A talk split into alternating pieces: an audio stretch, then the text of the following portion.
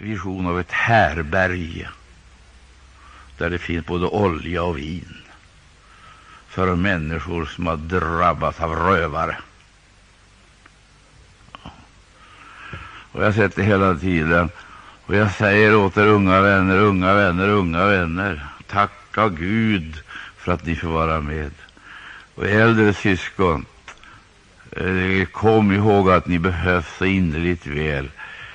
Eh, de, de unga har absolut inga förutsättningar att komma vidare utan er hjälp. Ni är enormt viktiga i den här striden för att erövra och eh, gestalta någonting gudomligt i tiden.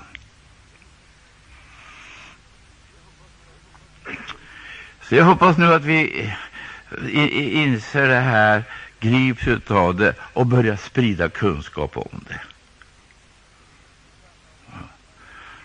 Ni kanske har lagt märke till att jag nu och då har återkommit till frågan om fundamentala frågor ja, som är av helt grundläggande karaktär för den fria församlingens existens och funktion.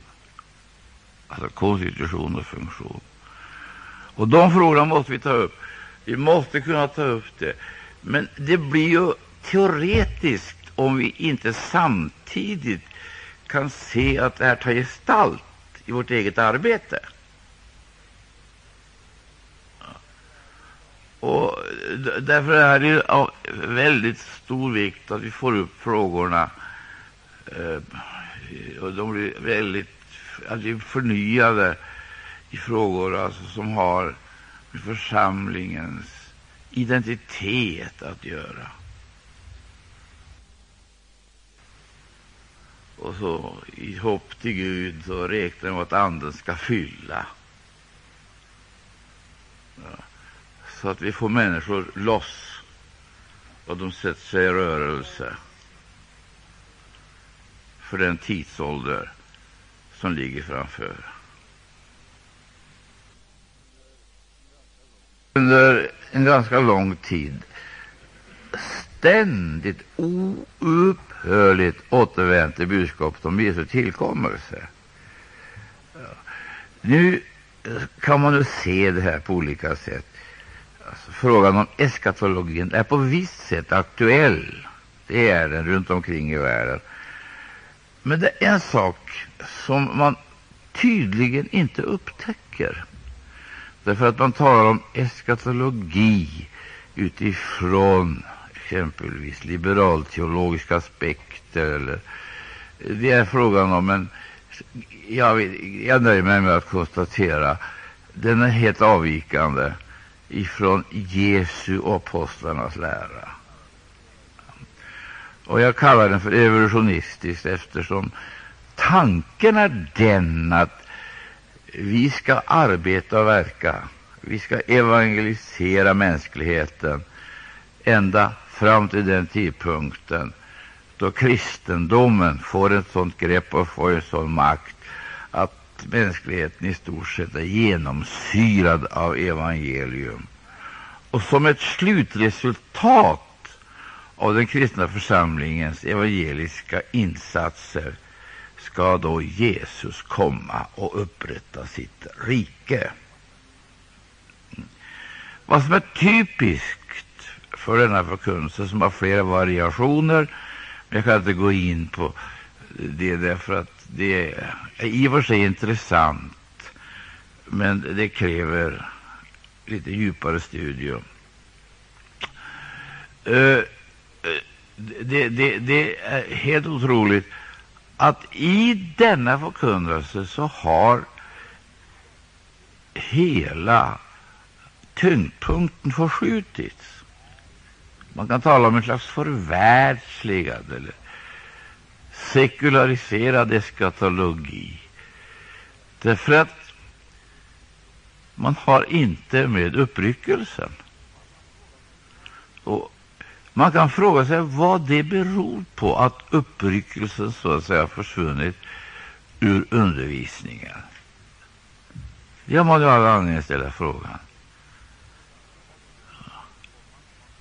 För att även om man har med alla de andra momenten eh, som rör sig om tro, tro, hopp, kärlek, tron och så kärleken, men rationaliserar, kultiverar eller på annat vis tar bort hoppet, det levande hoppet och det saliga hoppets fullbordan. Om man tar bort det, då är det inte bara så att det är en dimension som försvinner i förkunnelse, utan verkligheten är ju den att man tappar perspektivet. Det är avgörande, helt avgörande och viktiga perspektivet, alltså evighetsperspektivet.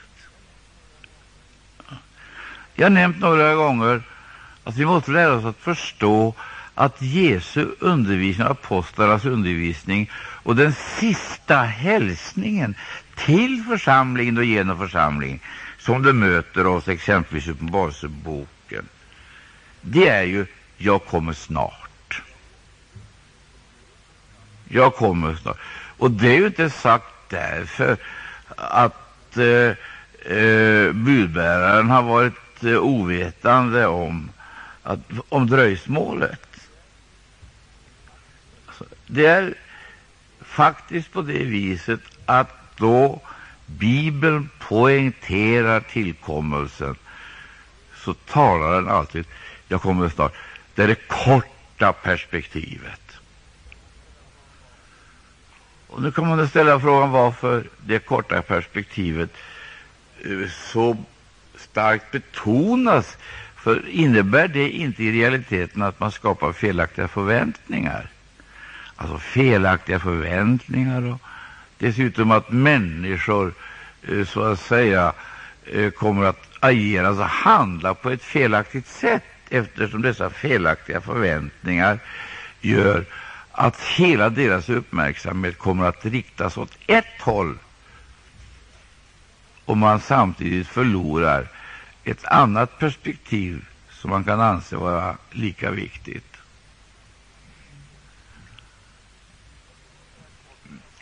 Jag, jag ska ta det här kort och sammanfattande för att ni ska förstå vad jag vill säga här ikväll. Jag talar om ett år, sett ur människans synpunkt. Det är ett antal dagar.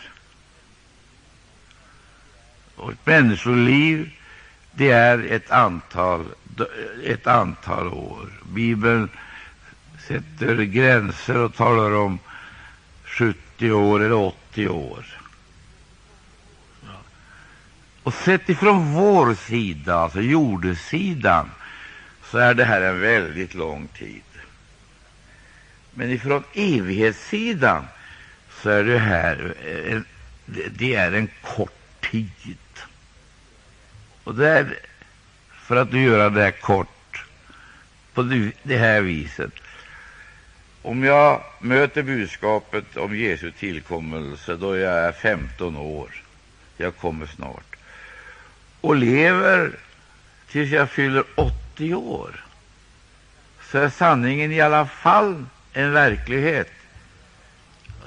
Om han dröjer ytterligare hundra år, så kommer han snart. Vad vi, kan, vad vi måste räkna med det är att det finns ett kort perspektiv för oss alla och ett något längre. Det korta perspektivet det innebär att han kom på det ena sättet. Det längre perspektivet innebär att han kom på ett annat sätt. Men en sak är säker. Jesus kommer under alla förhållanden att hämta hem sina trogna, sitt folk. På det ena eller andra sättet så hämtar han oss. Så han kommer för att hämta dem som hör honom till. I det korta perspektivet då rycks vi upp i luften honom till mötes. I det något längre perspektivet, då blir vi hämtade en och en. Men vi hämtas av Jesus. Han hämtar oss till eh, den vila som han har lovat alla efter arbetsdagens slut.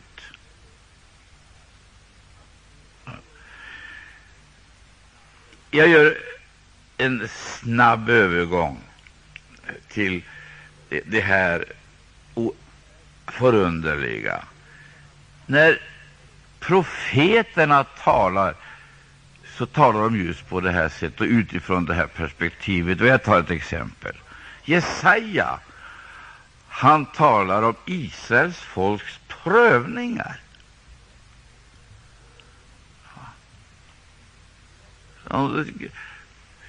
Du var vred mot oss. Och så berättas det om Guds vredes konsekvenser. Men så får vi veta hur lång vreden är. Det heter att den varar ett ögonblick. Och börjar vi titta efter vad det här ögonblicket egentligen handlar om för tid, så är det 2000 år. Alltså, sett ur evighetsperspektivet, sätt in Guds folk i det sammanhang där de hör hemma, skulle jag vilja säga. Då ser du verkligheten ifrån himlasidan. Och då är judarnas flertusenåriga lidande ett ögonblick. Det är det här perspektivet som har gått förlorat. Vi måste lära oss att förstå att en dag är i Vad står det? Ja. Vad handlar det om? Församlingen har en dimension som världen helt saknar, evighetsdimensionen. Vi ser det ur evighetsperspektiv. Och är ju inte det som ger hoppet, som gör hoppet levande och spännande. För att mitt inne i bedrövelsen så upplever vi att det här bara är en kort liten tid. Sen kommer det som varar i evighet. Och, och vet du vad Bibeln kallar det för? Bibeln kallar för det levande hoppet, det saliga hoppet och det saliga hoppets fullbordan. Och så heter det dessutom att hoppet låt oss aldrig komma på skam. För om det nu är på det här viset att vi i Jesus Kristus har haft vårt hopp och där har vi inte, inte blivit, då är vi de mest ömkansvärda av alla människor. Ja, det medger vi gärna. Bedrövelsens bedrövelse. Men nu vet vi att Jesus Kristus är uppstått. Det, det är bevisat att han har uppstått från de döda. Det är. Och det beviset skingrar ju allt mörker och reducerar tvivlet till dimmor utan någon som helst bestående kraft. Och, och, och det här förstår du, jag, jag tror personligen att uppståndelsekraften det är att leva i ett hopp som aldrig kan slå fel. Jesus är hos oss genom tron. Jesus kommer till oss i hoppet. Vi ser honom, vi är där och vi delar så att säga redan det som han har, det som han äger och det som han är. Nu är det väldigt viktigt att det här blir levande för oss. Och det kan vi inte göra själva. Det går inte att få en tvivlare att tro genom argument. Det gör det inte. Men där. Tron kommer av predikan och predikan i kraft av Kristi ord. Det måste finnas genomslagskraft i förkunnelsen. Tacka Jesus nu för det är trons ord vi predikar. Ära vare Gud, ära vare Gud. Trons ord gäller Belsa, trons ord gäller Bromma, trons ord gäller hela mänskligheten. Trons ord gäller oss var och en särskilt, men också gemensamt. Vem kan göra någonting på ett ögonblick? Vad skulle Gud kunna göra på ett ögonblick? Ja, men det är väl bara att gå till atomsprängningen. Så ser du vad som kan ske på ett ögonblick. Det vill säga, krafter frigöras som vi inte anar ens existerar. Och då vi eh, så att upptäcker förekomsten av dessa enorma krafter, vi uppfinner dem inte, utan upptäcker dem. Där har du det. Vi måste ut på upptäcktsfärd i Guds rike för att se vad Gud egentligen kan och vad han vill. Ett ord, säg allenast ett ord, så blir min, bot, så blir min tjänare frisk. Han sade och det vart, han bjöd och det stod det. Ett ord. Det är som en atomsprängning. Det vill säga, tron frigöras ifrån tvivlets fruktansvärda eh, eh, bergskedjor, spränger loss ja, genom den frigörande kraften. Och E, e, e, ett annat, ett annat ord som ju är så oerhört viktigt i det här sammanhanget. Det står i begynnelsen skapade Gud himmel och jord. Jag kan, jag kan inte citera det där utan att jag själv är av rörelse. Det är inte därför att det är, det, det, det är ett, eh, ett eh, uttryck eller ett påstående. Därför att jag upptäcker att varje ord är som en laddad kärna.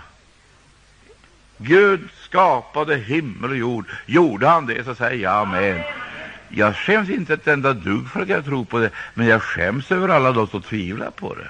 Självklart. Och så tar vi då ett steg vidare. Så måste vi göra klart för oss att det finns utrymmen och himlar och områden som inte vi vet ett enda dugg om. Ungefär som det här. De visste av intet förrän floden kom. De visste mycket, ska jag säga. De visste väldigt mycket om teknik och sociala relationer och förhållanden, byggnation och handel. De visste en hel del om hur man skulle skydda sig från fiender eftersom man hade byggt upp befästningsverk och hade arméer. Och de kände till en hel mängd saker som var oerhört viktiga för den sociala gemenskapen, gemenskapen överhuvudtaget och för samlevnaden. Och så helt plötsligt så sägs det de visste av intet. Vad var det nya? Det visade sig att det fanns alltså o, det fanns eh, omätbara förråd som de inte kände till. Trots alla eh, sina eh, eh, eh all sin kunskap. Helt plötsligt så började det droppa vatten från höjden.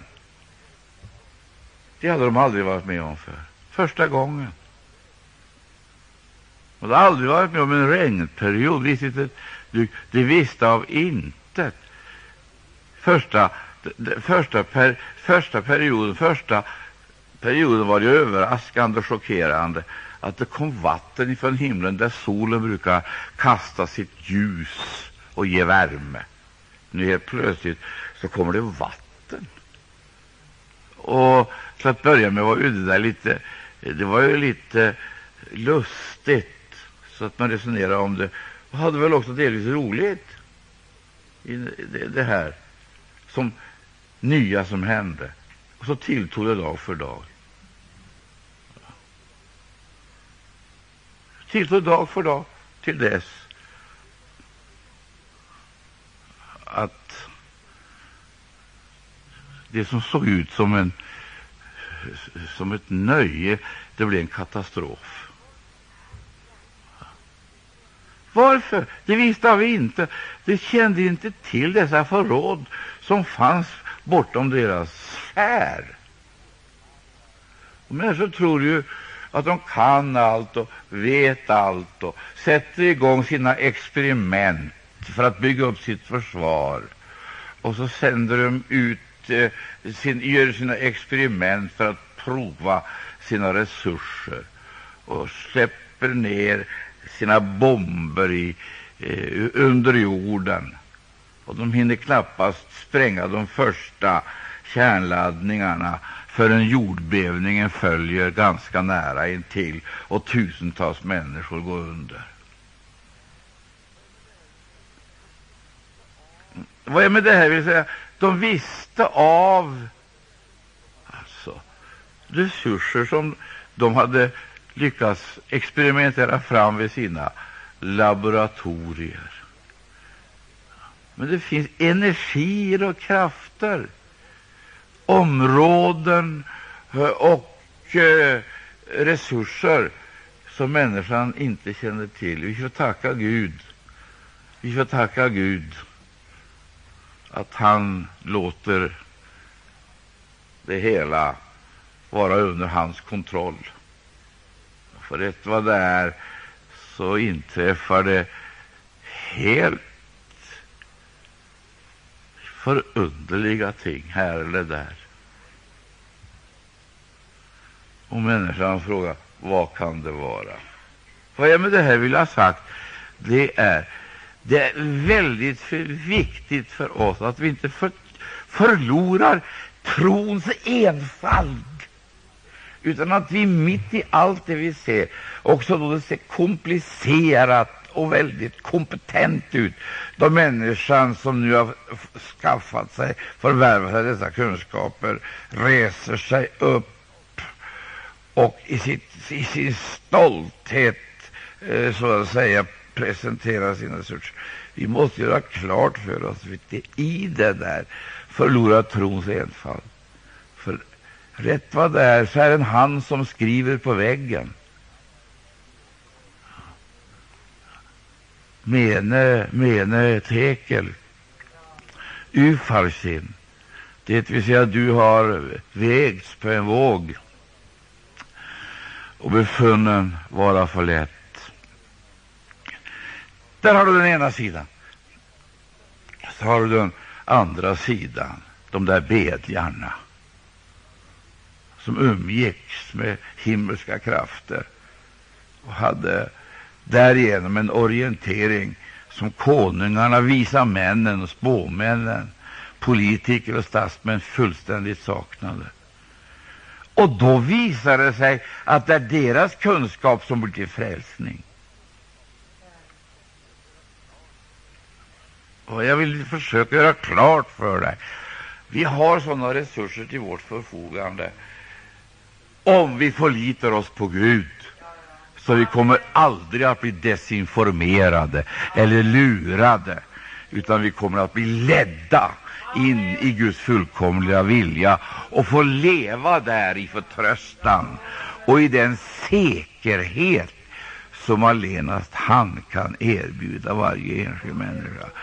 Det här får ju konsekvenser. Jag måste få poängtera en sak i det här sammanhanget.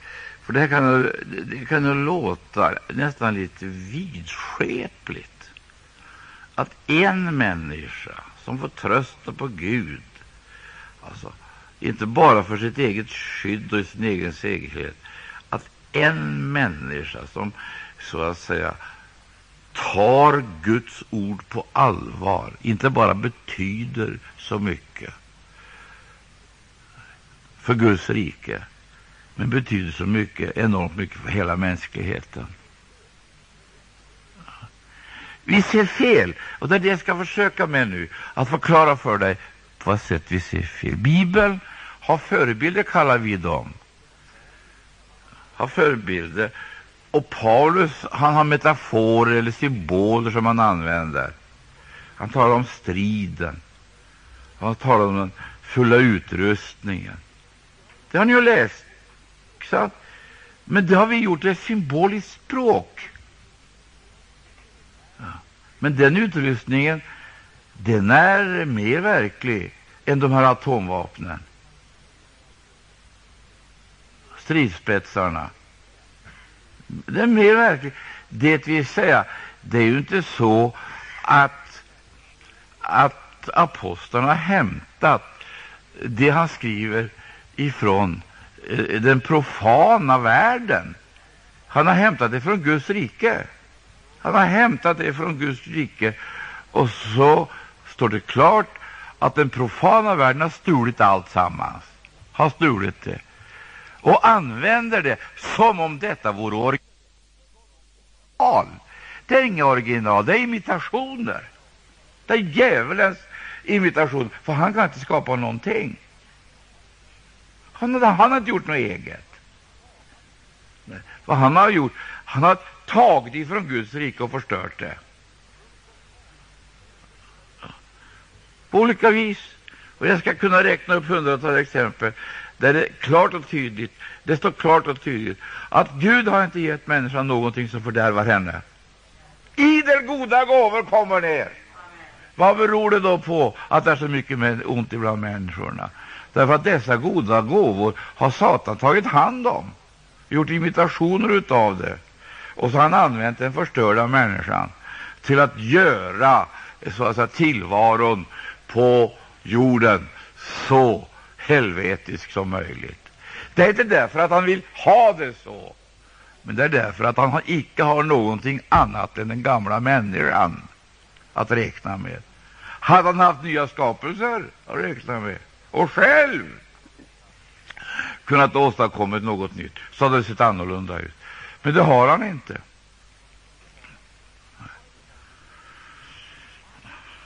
Har ingenting av detta. Han har bara en sak, och det är det han har stulit, och så imiterar han. Och det stora problemet i hela den här processen och proceduren, det är ju det faktum att de här tre påfösarna som människan bär i sitt eget väsen har han aldrig kunnat besegra. Sjukdomen, döden, synden. Ingenting av det han har stulit ifrån Gud. Ingenting av det han har försökt åstadkomma genom sina imitationer har kunnat förbättra materialet. Ingenting. Tvärtom. Det har successivt försämrat utgångsmaterialet enligt den här principen. Först guld, koppar och så är det sist och slutligen järn och lera. Där har du hela modellen, skulle jag vilja säga. Men Gud, ära vare vet att den gamla människan, som Satan så att säga helt och hållet, eh, helt och hållet vill behärska, den räknar himlens Gud inte med, utan förklarar henne. Inte bara som oduglig, men som död. I synder och överträdelser. Han markerar det klart och tydligt, bland annat genom dopet. Födelsen in i Guds rike, dopet, begravning från det gamla. Och sen blir Guds rike medborgare i Guds rike. Här har du ett av de uttryck som vi använder, medborgarskap i Sverige, medborgarskap i Israel, vilket var stort och mäktigt, men medborgarskap i Guds rike. Och sätter vi nu det ena mot det andra, vad innebär medborgarskap i Guds rike? Medborgarskap har både skyldigheter och rättigheter. Men framför allt så har medborgarskapet ett rike, en konung, en styrelse.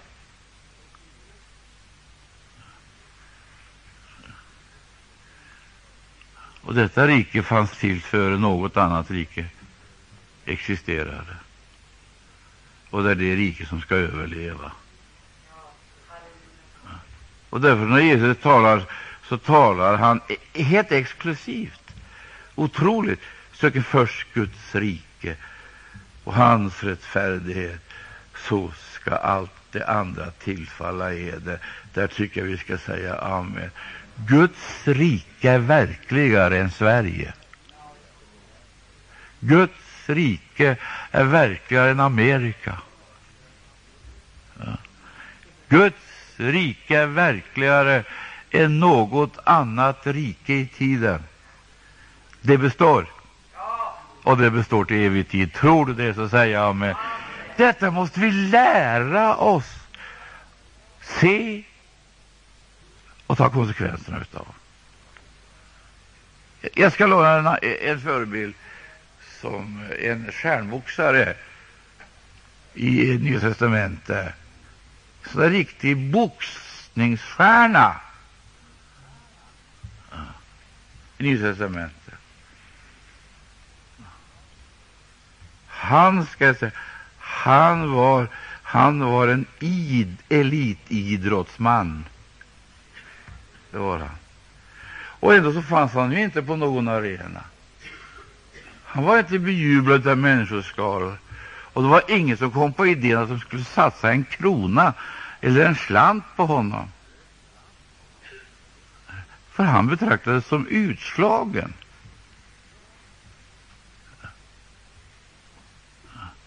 Men han är i verkligheten en riktig boxare, tungviktsboxare. Men det är det att han är Gudsrikes boxare. Och så visste han vilken hans motståndare var. Han visste det. Han kämpade mot motståndare. Och vem var denna motståndare? Det var den gamla människan. Han boxade, han fightades riktigt med.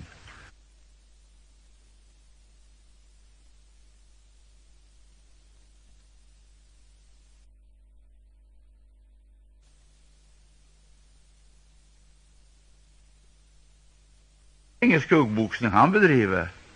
Det är inget slag i luften han slår. Han riktar, vältränad riktar han sina slag mot kobodanten. Han är i ringen med en förfärlig motståndare. Vem är det som för den här brottningskampen? Det är Paulus som boxas mot Saulus av Tarsus.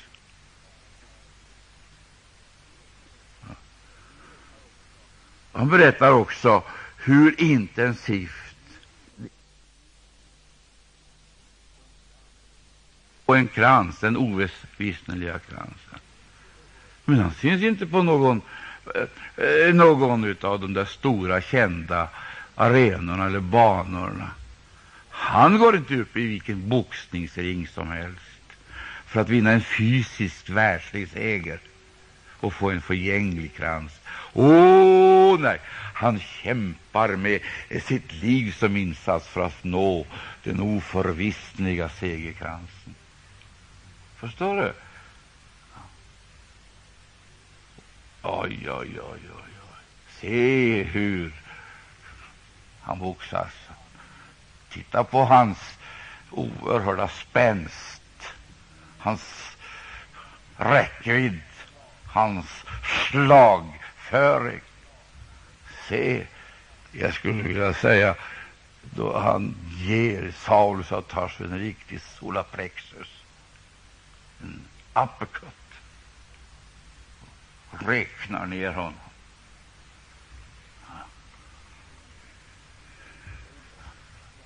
Och ändå så har han en skara som inspirerar honom, entusiasmerar honom. Jag tror, förstår du, att det finns de som följer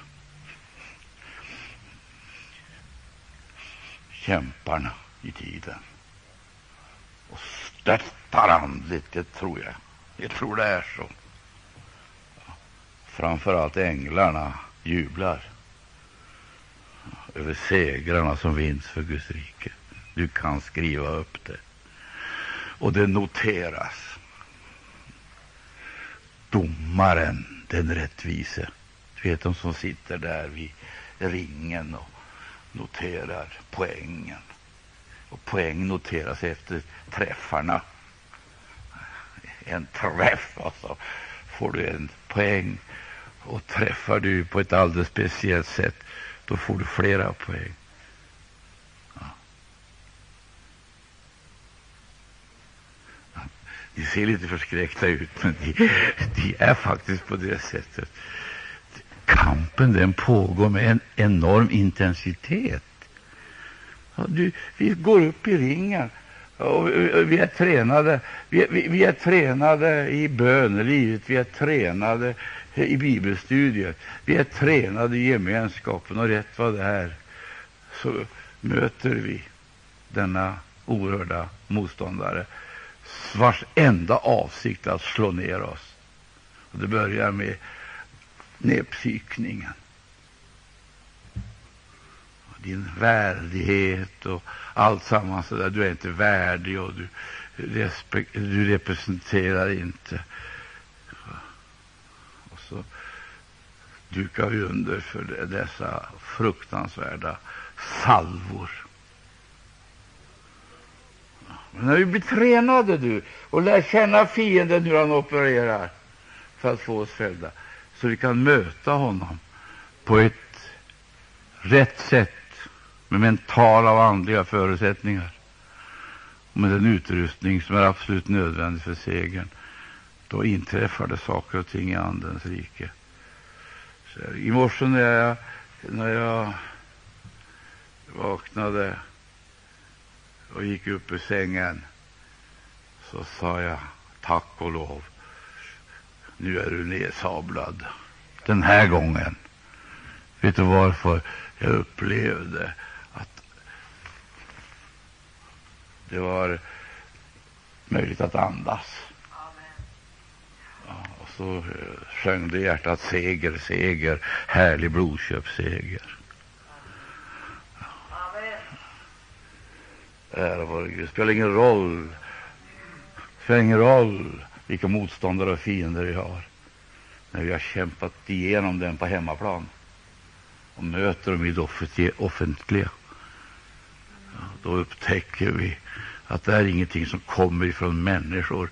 Det är någonting som Gud bereder genom sina tjänare. Och det kände jag i morse.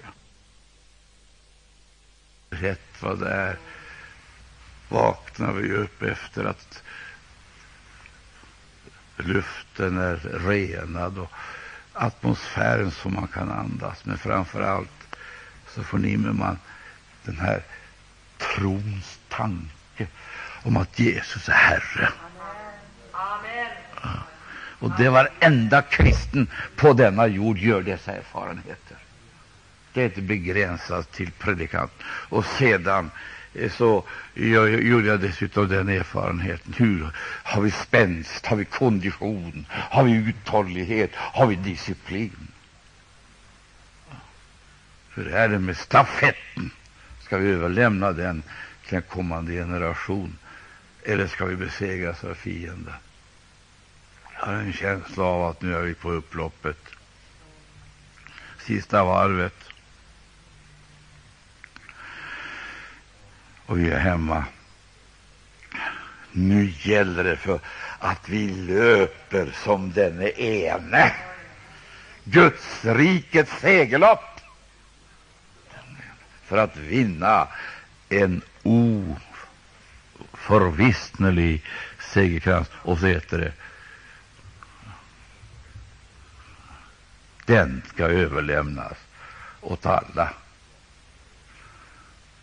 som har älskat hans tillkommelse.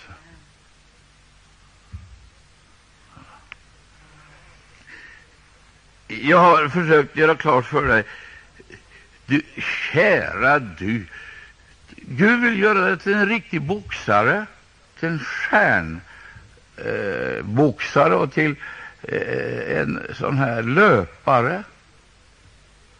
Han vill ge dig den spänsten. Och lära dig han vill lära dig hemligheten, träningsreglerna, hur du ska utnyttja det som han har gett. Dessutom så vill han föra dig in i sin kammare, utrustningskammare,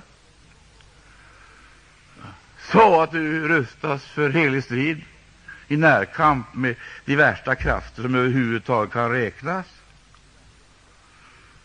som nu kommer fram under den tid som kallas för den yttersta tiden kan möta de här förfärliga makterna och besegra dem i Jesu välsignade namn.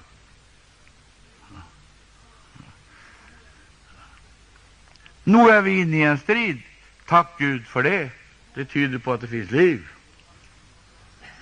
Men nu vet vi utgången. Vi vet utgången. Och så vet vi, Herren ger seger genom få, lika väl som genom många.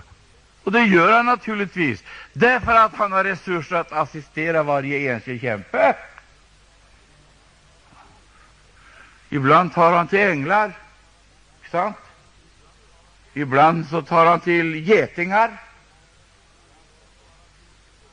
Andra gånger eh, så fnyser han eller blåser han eller i vad som helst rädda, befria, styrka sitt eget folk. Ibland så räcker han ut sin hand. Det räcker. Räck ut din hand och gör under och tecken. Så allt sammans det här vill ju Gud alltså, förmedla till oss igenom oss så står klart för att Guds rike är inte ett armod. Nej. Men det är heller inte övermod.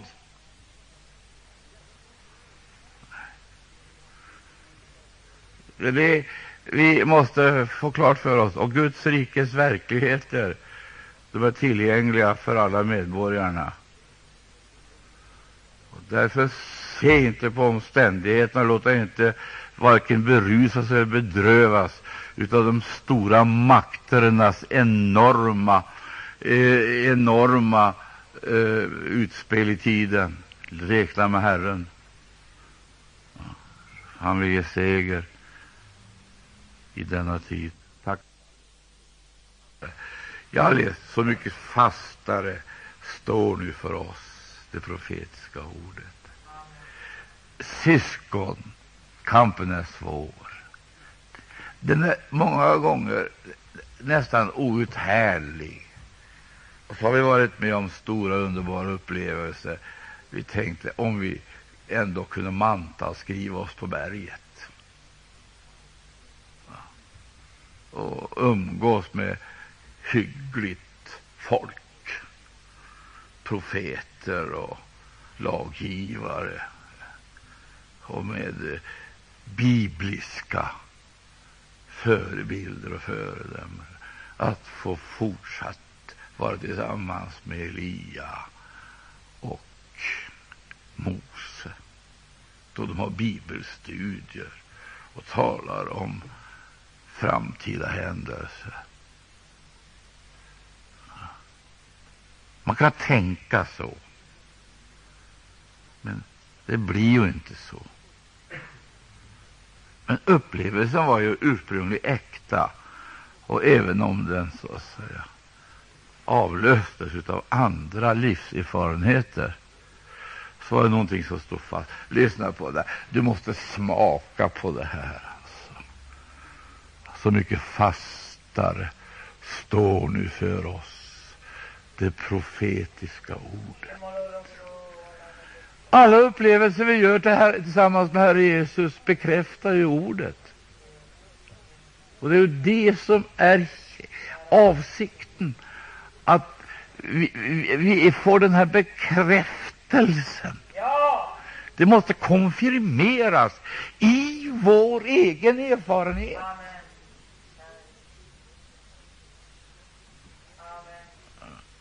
Och där skulle jag vilja peka på enskildheter som är nödvändiga för oss alla. Och dessa enskildheter som vi möter i så olika sammanhang på olika sätt visar oss alltså att ordet upplöses ju inte och får mindre betydelse. Tvärtom. Ordet får ju mycket större betydelse om vi upptäcker hemligheter som vi aldrig skulle komma eh, i kontakt med. Det visar sig att detta ord det är ju som ett ljus som lyser hörde, i en dyster vildmark.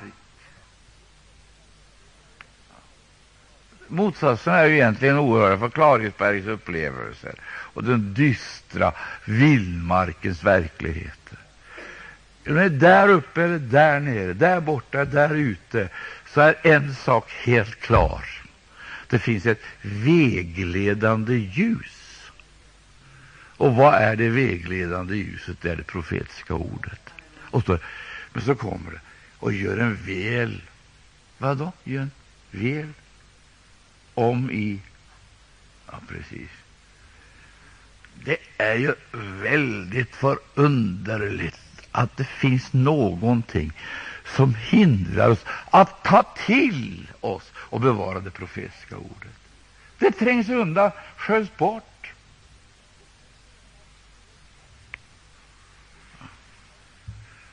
Och jag har funderat väldigt mycket på detta.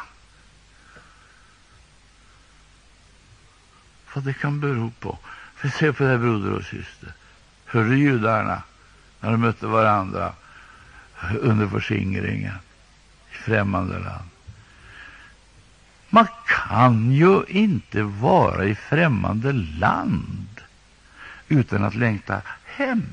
Det är något onormalt. Då har man akklimatiserat sig, anpassat sig.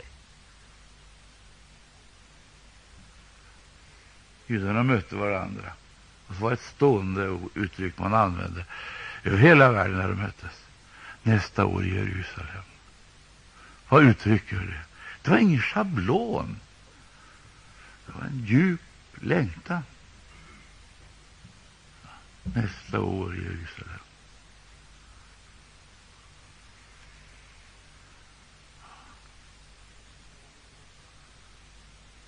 Om en kort liten tid, nästa år i himmelen. Nästa dag, om en kort liten tid, får vi mötas på himmelens strand. Finns det bärighet i det? Finns det vision i det? Finns det längtan i det? Är det sanningsenligt? Vi får mötas på himmelens strand. Och låt mig till sist få göra ett påstående. Jag är så ytterst förvånad. Jag är så ytterst förvånad att de där kärntexterna, de kärntexterna i den heliga skriften har försvunnit i förkunnelsen. De har försvunnit ur förkunnelsen. Och det är ju en oersättlig förlust. De har ju kommit bort, predikanterna tar inte fram dem. Varför gör de inte det? Exempelvis Romarbrevet 12, Romarbrevet 12, 1, 2, 3. Sådana kärntexter. De är ju helt oersättliga.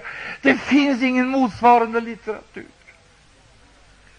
Du kan tala om skapelsen och eh, det kan vi tala om och förunderliga ting eh, som bär sitt speciella vittnesbörd. Men att säga, mena och tro på det, att din kropp, det är ett tempel. Ett tempel. Ett tempel för den helige Ande. Gud bor där inne. Vilket ord! Varför har, tagit, varför har de tagit bort det? Varför har det försvunnit? Det som gör gudstjänstlivet så innehållsrikt, så meningsfullt, är Guds närvaro. Gud är inte där ute och där borta. Han är i vårt hjärta, och han har gett oss, gett oss möjlighet att förvandla kroppen till ett offer eh, Petjorki video. Och det sägs att det är vår naturliga gudstjänst. Vi har kommit in i en offertjänst. Ja. Du, det, det, det jag tänker på. Så, men, men, men kära du, skär de bort detta, då har de ju tagit bort själva kärnan i budskapet. Jaså, kärnan. De har ju tagit bort Kristus själv.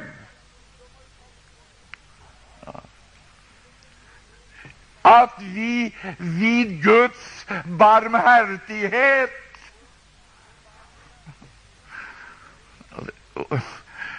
ett sådant uttryck. Bröder, bröder. Det handlar inte om paragrafer och regler nedtecknade på stentavlor. Det handlar om någonting helt annat. Chichocipeleno Rancho Fromodorius.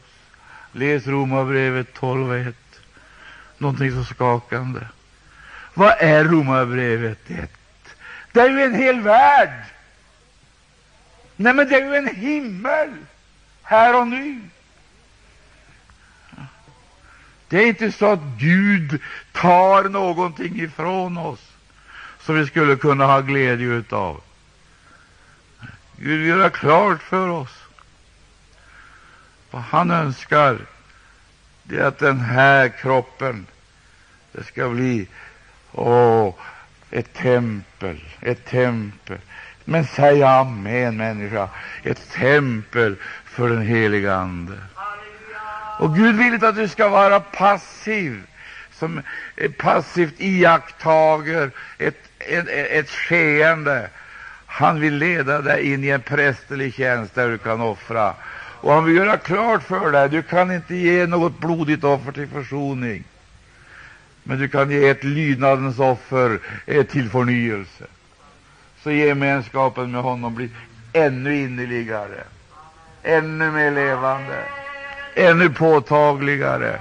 Ära vare, ära vare Gud, ära vare allt folket sade, och allt folket sade. Och här kommer ju allt det vi representerar.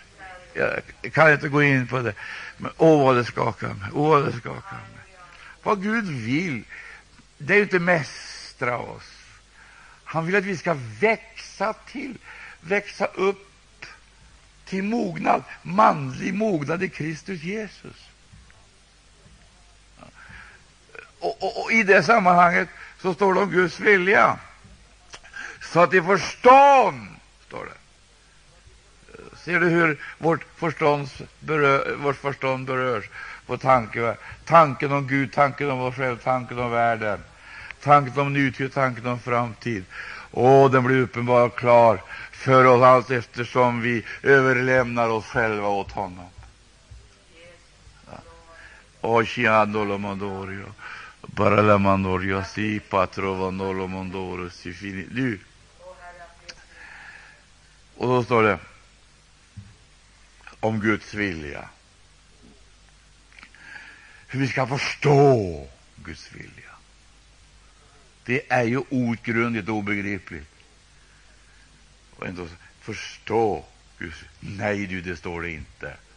Det står Guds fullkomliga vilja. Många har bara sett Guds tillåtna vilja. Vi vill ha en konung som alla andra folk. Vi vill bli lika alla andra folk. Där har du Guds tillåtna vilja. Men Guds fullkomliga vilja, det är detta. Du är vår konung. Du är vår konung.